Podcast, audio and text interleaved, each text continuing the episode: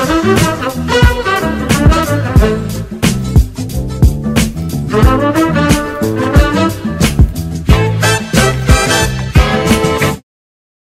teman sehat, bertemu lagi di Lini Podcast, ngobrol lebih dekat tentang gaya hidup sehat. Masih di edisi Ramadan, kita akan terus membicarakan mengenai puasa dan manfaatnya bagi kesehatan.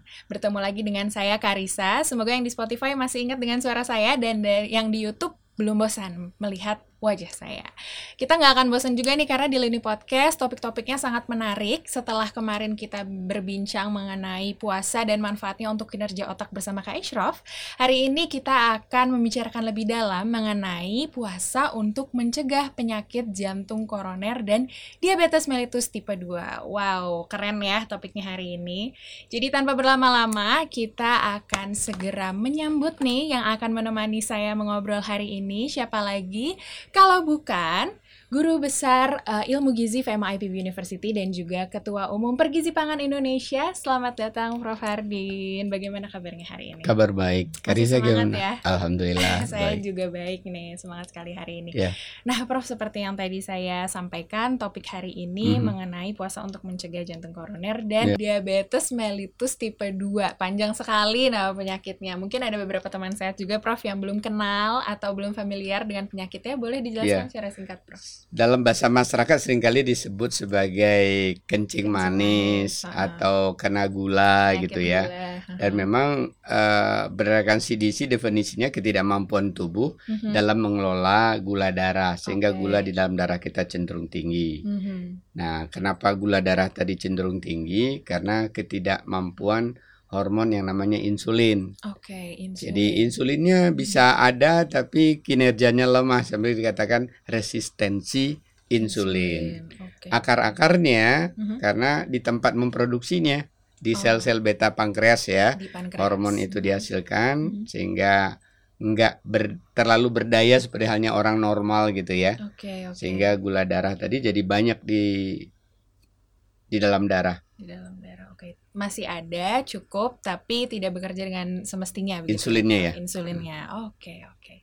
Nah, tadi kita sudah kenalan, sekarang mungkin uh, ada juga yang bertanya-tanya, kenapa seseorang ini bisa lalu kemudian mengidap penyakit diabetes mellitus tipe 2, faktor-faktornya Iya, uh, sering kali secara sederhana itu dikatakan sebagai sindrom metabolik ya. Sindrom metabolik. Atau bahasa Indonesianya uh, gejala yang ditunjukkan oleh uh, adanya uh, gangguan di dalam uh, metabolisme mm -hmm. tubuh. Mm -hmm pertama sebenarnya dicirikan gangguan metabolisme tadi karena gulanya uh, terlalu tinggi. Mm -hmm.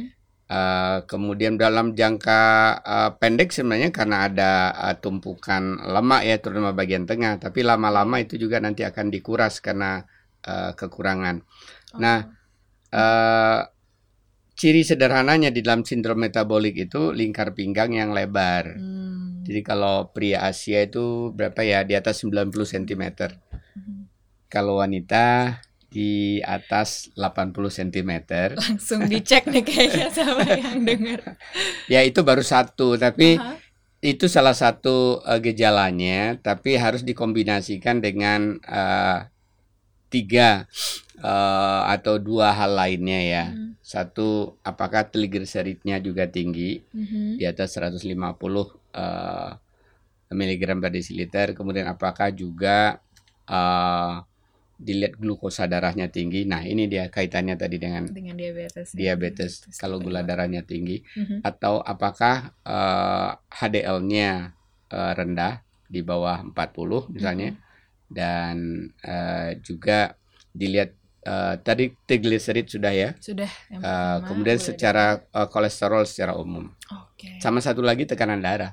Oh, Oke, okay. ya. jadi itu yang perlu diperhatikan. Ya, kalau tekanan darahnya di atas berapa? 130, mm -hmm.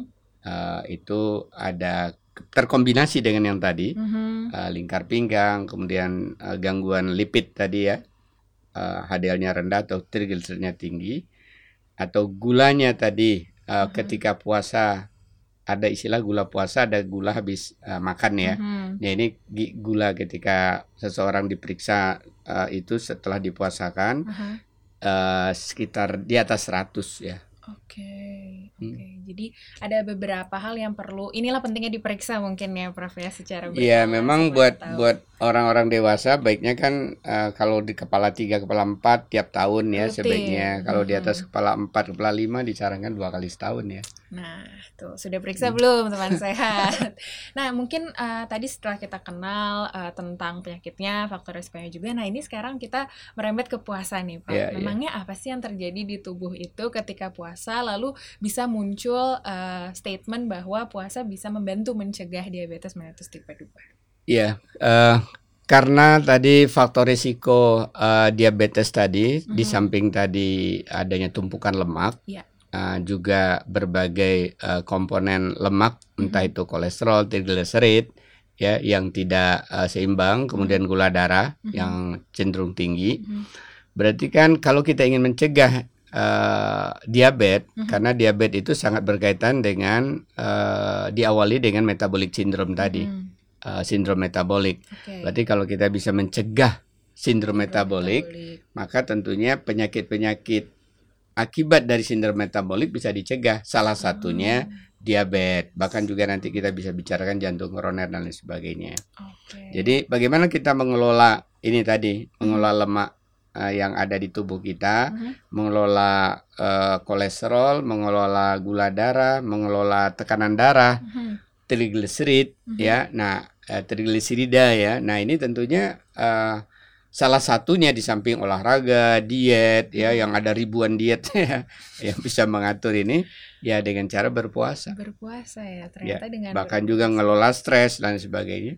Oke, oke. Memang ketika puasa tuh apa yang terjadi dengan tekanan darah dan Ya. gula darah gitu, baik. Prof? Jadi ketika orang makannya tadi eh bukan sedikit, tidak makan di siang hari ya. tidak makan di bukan siang tidak makan tapi eh, eh bukan makan sedikit tidak makan Memang kalau tidak makan. makan sedikit pasti masih cheating puasanya Ada sambil bersembunyi Ya. gitu. semua organ-organ tubuh kita kan mengalami eh, penurunan eh, eh, kerja Mhm, organ internal mhm. ketika penurunan kerja berarti tekanan darah otomatis eh, menurun Dan itu pola itu umum ya kalau kita kita tidur tekanan darah kita juga relatif turun dibanding Turun. ketika kita beraktivitas Oke. ketika eh, lambung kita tidak diisi, kemudian usus kita juga dia bekerja, Mhm. eh, jantung juga melemah. Beristirahat ya Ya. tubuhnya ya. Istirahat sih enggak, dia tetap kerja loh. Gak pernah istirahat. ya, ntar jadi ini ya, oke. oke. jadi berpulang nanti itu kalau udah istirahat. Ya. Oke. Nah, tekanan darah udah pasti Udah dia pasti. menurun. Jadi kalau orang banyak makan, eh, kemudian apalagi serta dengan banyak lemak, banyak eh, garam, mineral itu kan darah kental jadinya. Darah Oke. kental itu kan dipompakan berat, jadi perlu tekanan yang Oke, tinggi. yang gitu. tinggi. Oke. Kemudian eh, kaitannya dengan eh, gula nih ya, Mhm. karena kan ke diabetes yang ditanya nih. Iya. Jadi ketika seseorang eh, berpuasa Mhm. Karena memang tidak ada makan pagi, hanya dia early breakfast tadi jam Sahur Imsak, itu, ya. eh, pagi jam 8 tidak ada masuk, snack nggak ada masuk, siang juga nggak ada masuk, maka otomatis eh, yang dicerna adalah yang tadi malam atau yang sahur kan? Oh ya, itu aja. Ya, gitu berarti Hmm. eh, produksi energi berupa gula darah Mhm. itu tentunya rendah kan. Hmm. Ya. Karena produksi gula darah ini eh, rendah, Mhm. Maka sinyal diberikan oleh hormon i- dia memberikan sinyal kepada hormon insulin, Mhm. "Eh, kamu nggak perlu banyak-banyak Oke. ya, kamu sedikit aja karena gua sedikit gitu ya. Ya. Gulanya sedikit, jadi insulin yang butuhkan juga sedikit." Mhm. Insulin ini memberi sinyal juga ke tempat dia produksi kan diproduksi oleh sel beta di pankreas. Pankreas. Ya. Mhm. Oke, kamu rada istirahat deh, kerjanya nggak usah berat-berat. Nah, Hmm. Pada kesempatan itu berkali-kali berulang, maka sel beta tadi mengalami kesempatan ber- bersih-bersih. Jadi, Oh, Karisa kalau di rumah bersih-bersih kan kalau lagi ada waktu kan. Iya, iya, jujur. Nah, kalau lagi sibuk di kampus kuliah macam-macam pasti nggak nggak Iya. sempat. Bahkan kadang-kadang nyuci pakaiannya dia minta tolong ya. Iya sih bener. Nah. Nah, jadi kesempatan itulah digunakan oleh itu prinsipnya umum itu ya di sel yang lain juga di sel Oke. beta Mhm. untuk melakukan regenerasi. Wow, oke, Sehingga kerja sel beta ini jadi optimal lagi setelah di puasa sekian uh, hari ya. Oke. Katakan kita biasanya 29 30 hari kalau Ramadan ya. Mhm. Dan bukti-bukti penelitian juga menunjukkan demikian. Oke. Ya, jadi uh, sel beta pankreas semakin optimum maka ketika nanti dihasilkan insulin, Aha. insulinnya itu yang tadinya resistensinya jadi uh, berkurang, jadi semakin optimum kerjanya. Ya, dia jadi sensitif lagi. ya, Nah, Dok, lebih ya. sensitif bekerja. Artinya lebih mudah mengelola gula darah untuk mau disimpan kayak Mhm. jadi glikogen, Hmm. mau disimpan kayak menjadi lemak, mau Mhm. dipakai lagi kayak gitu Oke. dengan satu lagi kan nanti lawannya glukagon ya. Mhm. Nah, di pankreas itu ada lagi sel alfa namanya. Mhm. Wah, Sama. Jadi sel alfa ini yang nanti di memberi eh, produksi glukagon, memberi sinyal, eh kita kelaparan nih, ayo Hmm. cadangan yang kemarin disimpan dikeluarin dong. dipakai. Oke, Dipakai. oke. Ternyata dengan kode menjadi lebih sensitif, tidak hanya doi saja nih yang kode, tubuh kita juga melakukan kode-kode ya. Iya, iya, Ya, benar. Ini menarik banget Iya, ternyata. sinyal ya. Ya, sinyal. Nah, eh, sekarang kita masih ngomongin tentang sindrom metabolik kan tadi Iya. tidak hanya diabetes ya, Prof ya. Iya. Nah, apakah penyakit jantung koroner Tapi itu dari baru dari gula ya, Ah, kan? baru dari gula. Ya satu lagi tadi kan eh, sindrom metabolik itu bagaimana mengelola lemak, Iya, terutama lemak bagian tengah tubuh yang Mhm. lebih berisiko ya, Mhm. lebih berbahaya terhadap penyakit-penyakit tidak menular termasuk Mhm. diabetes. Oke. Jadi kembali tadi ceritanya ketika orang puasa ya eh, gulanya rendah, Mhm. ini kan harus diganti supaya normal. Oke. Katakan kita normalnya katakan ya 90, 100, 110 Mhm. ya level gula darah kita. Mhm. Tapi ketika siang hari jam 1 yang biasanya harus makan Ya. bisa jadi udah 90 80. Oh, oke. Nah, kalau tubuh merasa kekurangan tadi dia perintah. Mhm. Yang diperintah pertama memang glikogen ya. Mhm. Tapi karena glikogen di hati itu hanya untuk beberapa jam, nggak cukup. Oke, udah habis. Jadi dia Iya. harus cari pengganti. Nah, dia harus cari pengganti. Nah, karena ketika puasa kita hormon growth kita meningkat, Mhm. maka nggak diambil dari otot dulu, diambil dulu yang dari lemak. Oh. Nah, jadi ada hormon yang eh, meningkat adiponektin namanya ya. Oke. Nah, itulah yang lagi-lagi sinyal supaya timbunan lemak tadi dimulai digunakan. Oke. Nah, tergantung kita. Kalau kita gemuk kemudian membatalkan puasa, maka itu nggak terjadi. Iya benar belum sampai di situ ya, ya. belum udah. sampai dikuras, Oke. udah membatalkan puasa. Nah, karena itu cara berbuka itu sebaiknya jangan langsung banyak. Karena Oh. itu masih terus katakan mulai jam 2, jam 3, jam 4, jam 5, jam 6, ya mulai 8 jam sampai 14 jam puasa itu lagi bekerja. Karena itu Oh. kita merasakan ya kadang-kadang Iya, iya. rasa lapar tadi itu sinyal setelah itu nggak lapar berarti Ah, lemak kita sudah sudah digunakan. dipakai. Oh, oke. Pantesan ada puncak-puncaknya lapar tuh Ya, ya. Biasanya jam 1 jam 2 gitu ya. Oke, oke. Nah, kembali lagi mengenai eh, penyakit lainnya. Tadi sempat disinggung penyakit eh, tidak menular lainnya. Salah satunya adalah penyakit jantung koroner. Iya. Mungkin ada yang sudah sering dengar, tapi ada juga yang bertanya-tanya itu apa sebenarnya Hmm. gitu, Prof. Apa Ya, sih jadi penyakit jantung koroner itu? Ya dia bagian dari heart disease ya. Heart Hmm. itu berarti eh, jantung. Bagian dari Jantung. penyakit jantung Oke. yang eh, jantung koroner artinya bahwa ada pembuluh utama yang di jantung yang mengalami eh, gangguan. Gangguan Hmm. utamanya itu adalah penyumbatan Oke. atau penyempitan dulu ya. Mhm. Sebelum penyem- menyempit ya. menyempit dulu. Nah, kalau terjadi penyempitan, eh, itu ada level-levelnya ya. Kalau dalam pengukuran secara dunia medik sana lah, Mhm. nggak usah kita bicarakan. Mm-mm. Kenapa dia me- menyempit gitu ya? Nah, ini kan karena eh, banyak eh, sumber-sumber yang menyebabkan plak. Bisa dari lemak jenuh, bisa dari trans fat, lemak trans, Mhm. bisa kolesterol terlalu tinggi, bisa Hmm. trigliseridnya terlalu tinggi. Mm-mm. ya yang kalau kita lihat kembali sumber-sumber penyebab plak tadi itu Ya. kaitannya lagi-lagi di bagian dari sindrom metabolik tadi kan Metabolik Kan tadi- gara-garanya ya. ya trigliserid nggak boleh tinggi Aha. kemudian kolesterol juga nggak boleh tinggi Mhm. HDL-nya juga nggak boleh rendah di bawah Hmm. 40 ya Oke. kemudian bisa juga yang lain yang kurang aktivitas fisik Ah, iya. karena kan untuk eh, supaya eh, apa baik itu sistem hormonal kita seimbang, Mhm. pikiran kita juga nggak stres, Mhm. eh, kemudian eh, oksigen yang kita eh, peroleh juga bisa optimum itu kan dengan cara berolahraga. Mhm. Karena pembuluh darah terganggu artinya alir makanan terganggu, Ya. aliran oksigen terganggu, Oh. aliran zat gizi terganggu. Nah, kalau itu jadi ah, kurang suplai ke jaringan jantung, artinya jaringan jantung kekurangan gizi kan. Iya. Apalagi kalau mampet terjadilah kematian pembuluh-pembuluh darah kecil kan. Bahaya ya. Ya, Hmm. ya jadi eh, lagi-lagi sebenarnya kenapa puasa bisa mencegah jantung koroner karena puasa bisa mencegah Aha. eh, gangguan metabolik atau sindrom metabolik tadi.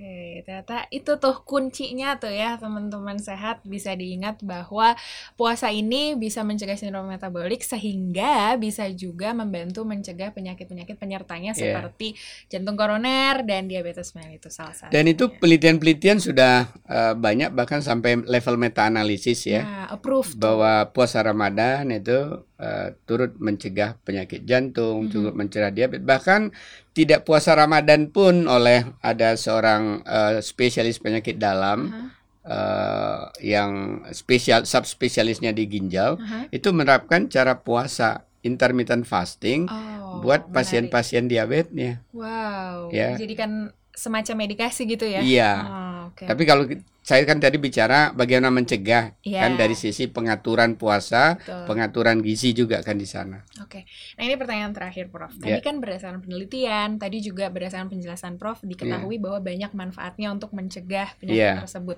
Tapi lalu kemudian ketika kita sudah tidak puasa, Ramadan telah usai misalnya, apakah manfaatnya masih bisa dirasakan, Prof? Atau kita harus tadi mencoba intermittent Ya, fasting terus? sebenarnya nanti ada topik lagi tentang ini ya. Tapi Aha. pada prinsipnya, as long as kita bisa mengga- menjaga lifestyle kita.